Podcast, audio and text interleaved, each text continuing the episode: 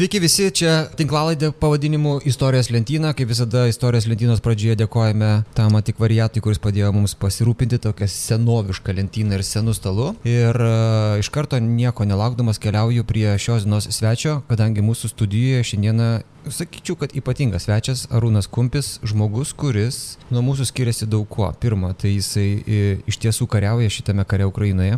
Antra, jis kariaudamas e, sugebėjo užrašyti tai, ką mato ir tai, ką jis užrašė, virto knyga, kurią jūs galite paskaityti. Aš, pavyzdžiui, ją skaičiau, Ukrainos karo audrose jinai vadinasi ir yra apie 2022 metų vasarą, galbūt bus ir nauja knyga apie 2023 metų vasarą. Sveikas Arūnai. Labas. Ar bus dar kita knyga? Ji jau yra. Yra, taip, ties, ties... Laukia redagavimo ir pasirodys dar šiemet tikriausiai. Tai gerai, tai iš tikrųjų apie tas knygas ir pakalbėkim. Ar daug tavo kolegų, kuriuos tu sutinki fronte apskritai rašo dienoraščius ir tai, ką mato, užrašinėja, tai, ką patiria? Tai dabar tokia karta, man atrodo, kad nei rašo, nei skaito knygų žmonės. Tai tu, tu vienas, tu, savo būrė tu vienas toksai. Taip. Taip, drąsiai. Ir kaip tu sugalvoji, o, o tu šiaip gyvenime prieš tai buvai rašęs dienoraštį? Ne. Kare tu sugalvoji, kad reikia pirmą kartą tai daryti, ar ne? Na, kaip čia pasakius, ne tai, kad sugalvojau, bet uh, buvau priverstas. Nu, nu, nu, kaip, kasgi privertė? Na, kažkaip tai turėjau aš e, tokį pasiemęs blanknotėlį ir e, daug šoko buvo pirmomis dienomis iš tikrųjų. Ir e, pabandžiau rašyti ir aprašęs pastebėjau, kad taip geriau jaučiuosi. Sekančią dieną vėl galima, vėl galima eiti į užduotį. Čia kaip kažkokia terapija, kur tu išrašai. Kažkur tai, ja. Na, ta prasme, ne tai, kad išrašai, bet labiau ap, apmastai tada gali normaliai išsimiegoti, pailsėti ir pradėti iš naujo. Tai man, nežinau, man padėjo. Tai nežinau, ar čia atsitiktinumas ar kaip ir aš praktiškai iš pradžių neturėjau minčių apie jokias ten knygas, leidybas ar ten kažką tai, bet e, pirmos misijos metu rašiau, o po to pažiūrėjau, kad nemažai gavosi, daviau kažkam tai paskaityti ir sako, iš draugų sako, o geras, sako, tai gerai būtų ir pasidalinti su kitais. Taip. Kad pasidalintum. Tai, tai tada sekantį kartą jau, kai važiavau, jau pasiemiau planšetę ir jau rašiau ne šratinuku, o į planšetę tiesiai. Ir dieną kažką pasižymė, jeigu kažką, kad nepamirštum? Tai labai, prikla... ne, labai priklausomai nuo situacijos. Kartais, e, kai laiko ar noro e, nėra, tai paprasčiausiai pasižymi pagrindinius e, įvykius, o po to vis tiek yra už ko užsikabinti ir Taip. prisimeni elementariausiai. O kartais, kai yra įkvėpimas, tai elementariausiai iš karto rašai. Tai čia skamba iš tikrųjų kaip patarimas e, pamėginti tą daryti e, žmonėms, kurie nebūtinai yra kare. E, mm, Be. Nes žmonės, žmonės turi visokių keistų minčių, kurios gal mums kamuoja ir neleidžia užmigti. Tai čia yra du momentai. Vienas momentas, tai ar tau to reikia ir antras, ar tavo mintis kažkam tai įdomios gali pasirodyti ir būti istorijos reikia. Ta prasme, jeigu nori tai pateikti viešumai, tai turi būti kažkas tai. Aš patvirtinu, aš, aš buvau tavo skaitytojas, aš buvau Ukrainoje ir nubėgau į knygų mugę, galvojau, prisipirksiu ten kareivių visokiausių tų dienoraščių, bet jie yra arba ukrainietiškai, arba niekaip kitaip, nes rusiškai nebegalima Ukrainoje spausdinti, o angliškai jie nespausdina, nes neturi auditorijos ir tada aš ieškau, kas galėtų papasakoti apie šitą karą, tai kai pamačiau tavo knygą iškart grėbiau ją ir Tai čia dar, dar kitas momentas yra, kaip aš teko ir paskaityti, ir pasidomėti, yra vienetai knygų, pats jeigu domiesi tą temą, kalbu ne apie istoriją, o apie prisiminimus, aš turbūt žinau gal kokias tris knygas karo veteranų, tikrai, kurias verta skaityti, bet tarkim iš to pačio Aš tikiu, kad e, iš to pačio Rusijos-Ukrainos karo istorijų yra N ir žmonių turinčių tų istorijų yra masė. Bet kad taip sutaptų e, žmogus ir turėtų istoriją ir rašytų, Taip. Tai yra vienetai, nes kaip ir kažkas tai jokau, sako. Taip. Tai skaičiau vieną ten knygą apie ukrainiečio karo e, atsiminimų. Vis, vis, visi 200 ar 300 puslapių jisai vis remontavo tanką. tai, tai, ne, ne, ne. Tai tu ir... Tai turi būti ir turinys, ir turi būti galėjimas tą turinį atpasakoti, bet jeigu turinio nėra, istorijos nėra, tai klausimas Kam ne, tai... Arūno, aš iš karto mūsų klausytėms sakau, kad Arūno knygoje tikrai yra istorija, yra skirtingos kampanijos, yra kareivių kasdienybė, e, kažkokie dalykai, ką jie mato ir su kuo susiduria kasdien. E, tikrai rekomenduoju ir kadangi mūsų podcastas vadinasi Istorijos lentyna, tai Rūnai, tu gal pasakyk, kur, kurias dar knygas verta paskaityti iš to, kas dabar yra parašyta apie tą karą. Bet tu sakai, kad yra trys. Klausė apie Ukrainos, ar ne? Taip. Tai yra ten e, Ilovaiskas, man atrodo, dar ten kel, keletą tokių tų knygų prirašyta ir e, apie įvykius, apie tą patį oro uostą ten yra, beje, mano... Donetsko. Taip. Mhm. Tai va, tai apie, ja, apie Donetsko oro uostą galėčiau daug pasakoti, nes mano uh, du būrio draugai kyborgai po dvi pamainas atkariavę oro uoste ir, ir mano paskutinės pozicijos yra, galėčiau plika akimi matyti oro uostą. Dabar va? Dabar. Dabar va? Taip. Tu dabar grįžai iš, iš, iš, iš Donetsko prieigų. Taip. E, nu gerai, e, keliaujame tada į tą karą. Iš tikrųjų, gal, gal pradėkime nuo to momento, kai tu sakai, vat, kad aš atvažiavau ir buvo pačioje pradžioje labai sunku.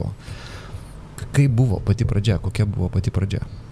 Pati pradžia buvo nu, toksai visiškas šokas, nes e, vienas dalykas, kad trečią dieną papuoliau į, į tikrą karą iš karto. Tikras karas yra. Tikras karas, kai ant tavęs krenta svidiniai. Mhm. Ir pirmą dieną papuoliau į gratą apšaudimą. Svediniai krito keliasdešimt metrų nuo manęs aš realiai net nesupratau, kas, kas darosi. Visiškas buvo šokas organizmo. Nesuvokiu. Ir tu rašai ten, kad e, visų kūnai reaguoja skirtingai, bet reaguoja be išimties visi. Be abejo. Ir uh, didesnė dalis žmonių, kurie atsiduria tokiam tikram kare, paaiškėja, kad jo negali tęsti. Tai labai skirtingos reakcijos. Aš e, nu, kokias tu... E, antroji knygoje raš, rašiau su vienu kolega, e, mes truputėlį diskutavom tomis temomis ir jisai pasakojo iš tų 14-15 metų karo, kaip pavyzdžiui jo kolegai būdavo kai prasidėdavo apšaudimas, jisai pasileisdavo bėgti ir... Nebūtin, Nevalingai. Taip, ir ne, nebūtinai į tą pusę, kur kur reikia. Ir mhm. sako, būdavo, aš šokstu į mašiną, vėjuosi į jį, pasivėju, atidarau durelės ir sakau, tai gal jau užtenka bėgti, gal lipsi į vidų. Jisai lipa į vidų ir, ir sako, sorry, nieko negaliu su savim padaryti. Nu, jisai komisavosi po kažkiek tai laiko, bet va taip va būdavo. Tai tų reakcijų en visokiausių. Nu gerai, bet jeigu tu, tu esmė, esi uh, esi kareivis, kuris pas, yra, er, esi pasiruošęs ten surinkti šautuvą, daryti visus dalykus, ką tu turi daryti ir paaiškėja, kad tavo kūnas negali, tavo psichika negali susitvarkyti su tikro karo būsina, kas tada?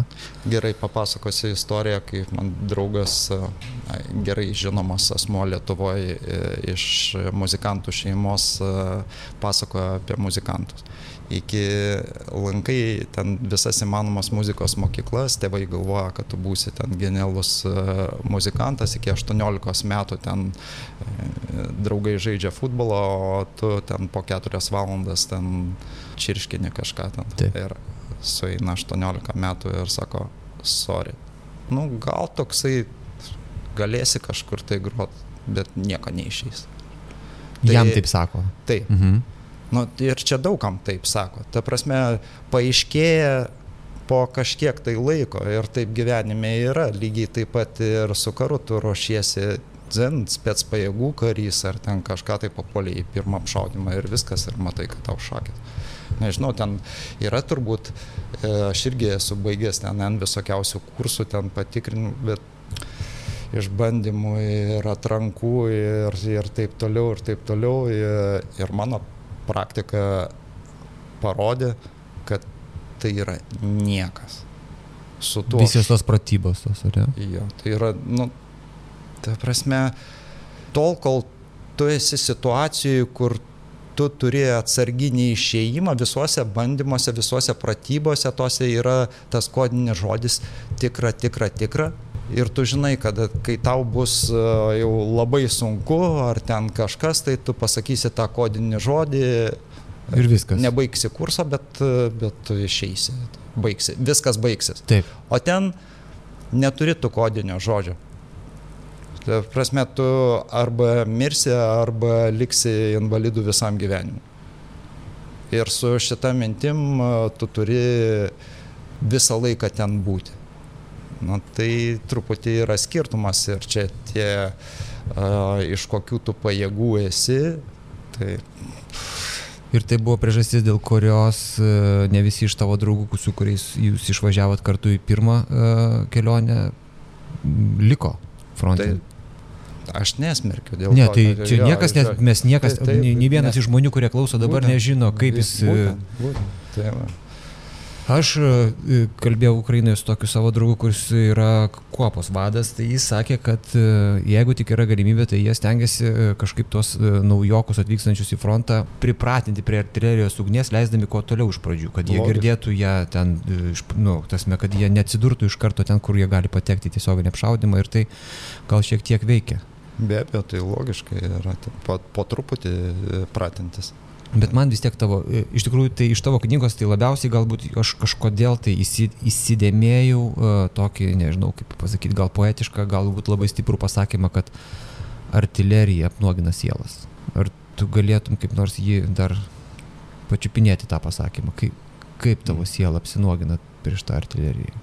Ne, tai kaip uh kol nepapuoli po artilerijos apšaudimo, gali tu pasakoti visiems, koks tu ten būsi drasus ir kaip tu ten ką darysi ten mhm. ir taip toliau. Bet kai papuoli į normalų artilerijos apšaudimą, tai tada tik tai pasimato iš tikrųjų, kas tu ir kaip tu. Kalbant apie šitą dalyką, buvo toks leitmotyvas, aš supratau, kad tu truputėlį net ir e, tave nuvilia tai, kad e, Lietuva nelabai mokosi šalia to vykstančio karo. Ir kad e, nu, nėra bandymų pabūti tame tikrame fronte, nėra bandymų pasidaryti tikrai praktinių išvadų, kurios galėtų padėti, dėl to, kad, nu, jeigu atsidurs e, Lietuvos batalionai po tiesioginių artilerijos apšaudimų, tai bus lygiai tas patsgi. Čia yra man asmeniškai labai skaudi tema. Mhm nes ne tas žodis, kad nelabai mokosi, čia labiau tiktų žodis užsispyrusiai nesimoko. Nes uh, Tas visas... galiu, gal, pagal, pagal savo pavyzdį pasakyti, aš kariauju pusantrų metų ir e, paklauskit, e, kiek karininkų visi žino Lietuvoje, visi žino, aš garantuoju šimta procentų, kam reikia, kad aš ten esu ir būnu ir kad aš ten kariauju ir ką aš ten darau ir taip toliau. Kiek e, pasikvietė, pasiteiravo, kaip mums reikėtų daryti, kaip kažką keisti, ką galbūt pratybose ten e, keisti ir, ir taip toliau. Kiek? Nulis. Nulis.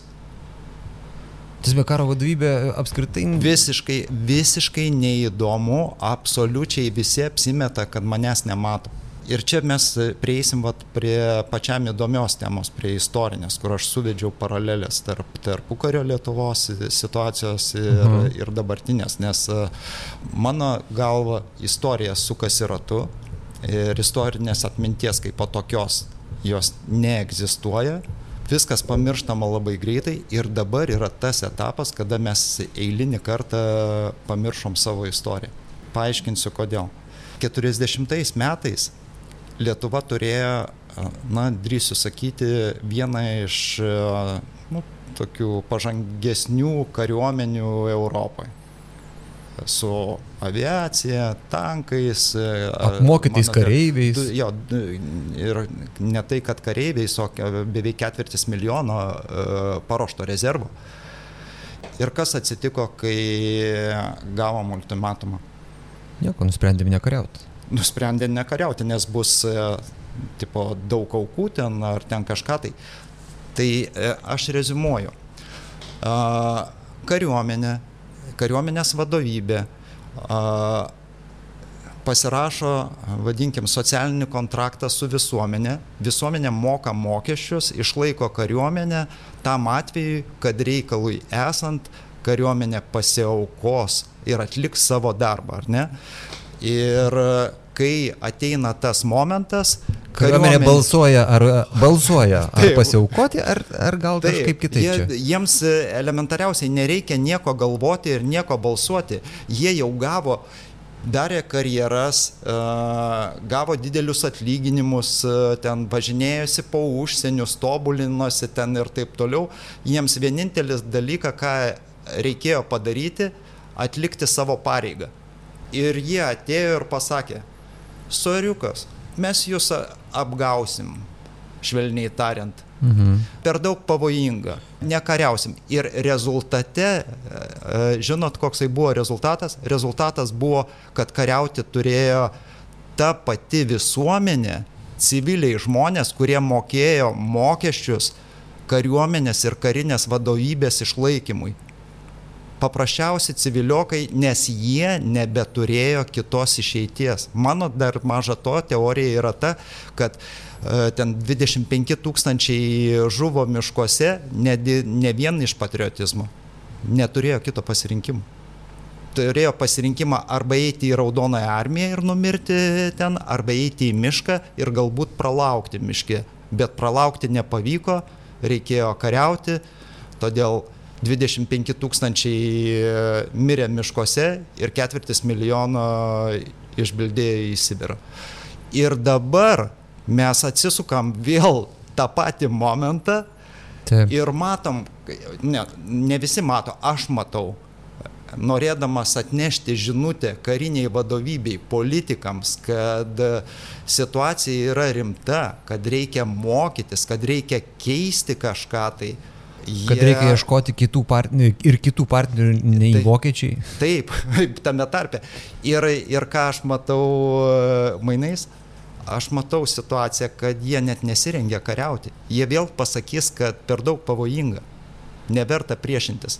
Arba pasakys, kad amerikonai išspręs e, užmuš viską. Ir aš manau, kad daugelis galvoja, kad amerikonai viską išspręs, bet amerikonų e, kariškių aš e, paklausiu provokacinio klausimo, ar jūs būsit Baltarusijos pasienį, jeigu nerasit ten apkasuose lietuvių, jie taip šypsosi ir nieko nesako. Tai pasakyk, ar, ar, ar, ar tai bus. Ar aš būčiau Ukrainoje fronte, jeigu ten nebūtų ukrainiečių?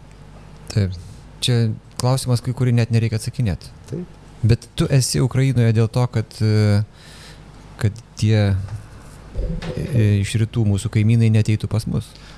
Daug kas galvoja, kad čia aš labai didelis patriotas Ukrainos ir kariauju už Ukrainą. Iš tikrųjų, aš truputį žvelgiu toliau ir aš manau, kad Lietuva su tokia teritorija čia juos stabdytų labai neilgai. Ir, tai, jeigu ir jie geriau... būtų mus užpuolę, ne Ukraina, o, mus, tai būtų tikrai užtekę tų trijų dienų, ne? Taip tu sakai. Tai aš manau, kad, e, tarkim, Wagnerį, jeigu sugalvotų iš, pajudėti iš Baltarusijos, jie po trijų dienų 99 procentai būtų Vilniuje.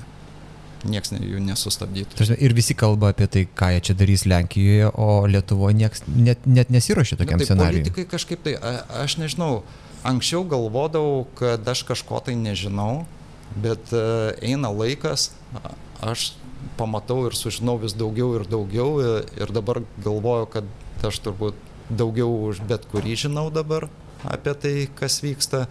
Ir jų, nežinau, politikų pozicija yra tikriausiai ta pati, kad arba amerikiečiai viską išspręs, arba jie pasitrauks į vakarus nes na, tas raminimas ten ir aiškinimas, kad viskas kontroliuojama, ten viskas daroma. Lenkai stato prieš tankinius. E, tai tas, Lenkai skirtingai negu visi kiti ruošiasi. Lenkai minuoja uh, pasienį, ten Lenkai siunčia kar mūsiškai. Tai jie čia rengiasi rinkimams. Savo neįgalumą pridenginėja. Kažkokiais vaikščiojimais apie kažkokius rinkimus, o tai ką pas mus rinkimų nebus, ar pas mus jau tokie politikai labai jau savim pasitikintis, kad jiems dzin tie rinkimai. Nu, nu, žinai, jeigu istorija ko nors ir moko, tai, tai, tai moko, kad žmonės iš jos kažkaip nepasimoko. Būtent nu tu čia iškart pakilai taip aukštai ir dabar sunku nusileisti, bet aš vis tiek labai noriu, e, aš tikrai rekomenduoju paskaityti Rūno knygą, e, jūs, jūs ten pamatysite daugiau visko kareiviškomis akimis ir sužinosite apie visas kampanijas, bet aš dabar iš tavęs labai noriu, e, kadangi tu visai neseniai ką tik grįžai į Lietuvą ir labai trumpam pamėginti tokį pasakyti, ar yra skirtumas tarp 2022 metų vasaros ir 2023, kas vyksta fronte, kokie yra, nu, bendrai, e, nu, nežinau, kažkoks toks jausmas, kas, mm. kas kaip, kur. Pilnas epizodas, kaip ir visi kiti šiame kanale, prieinami prenumeratoriams ir remėjams. Ačiū visiems, kurie klauso ir remia.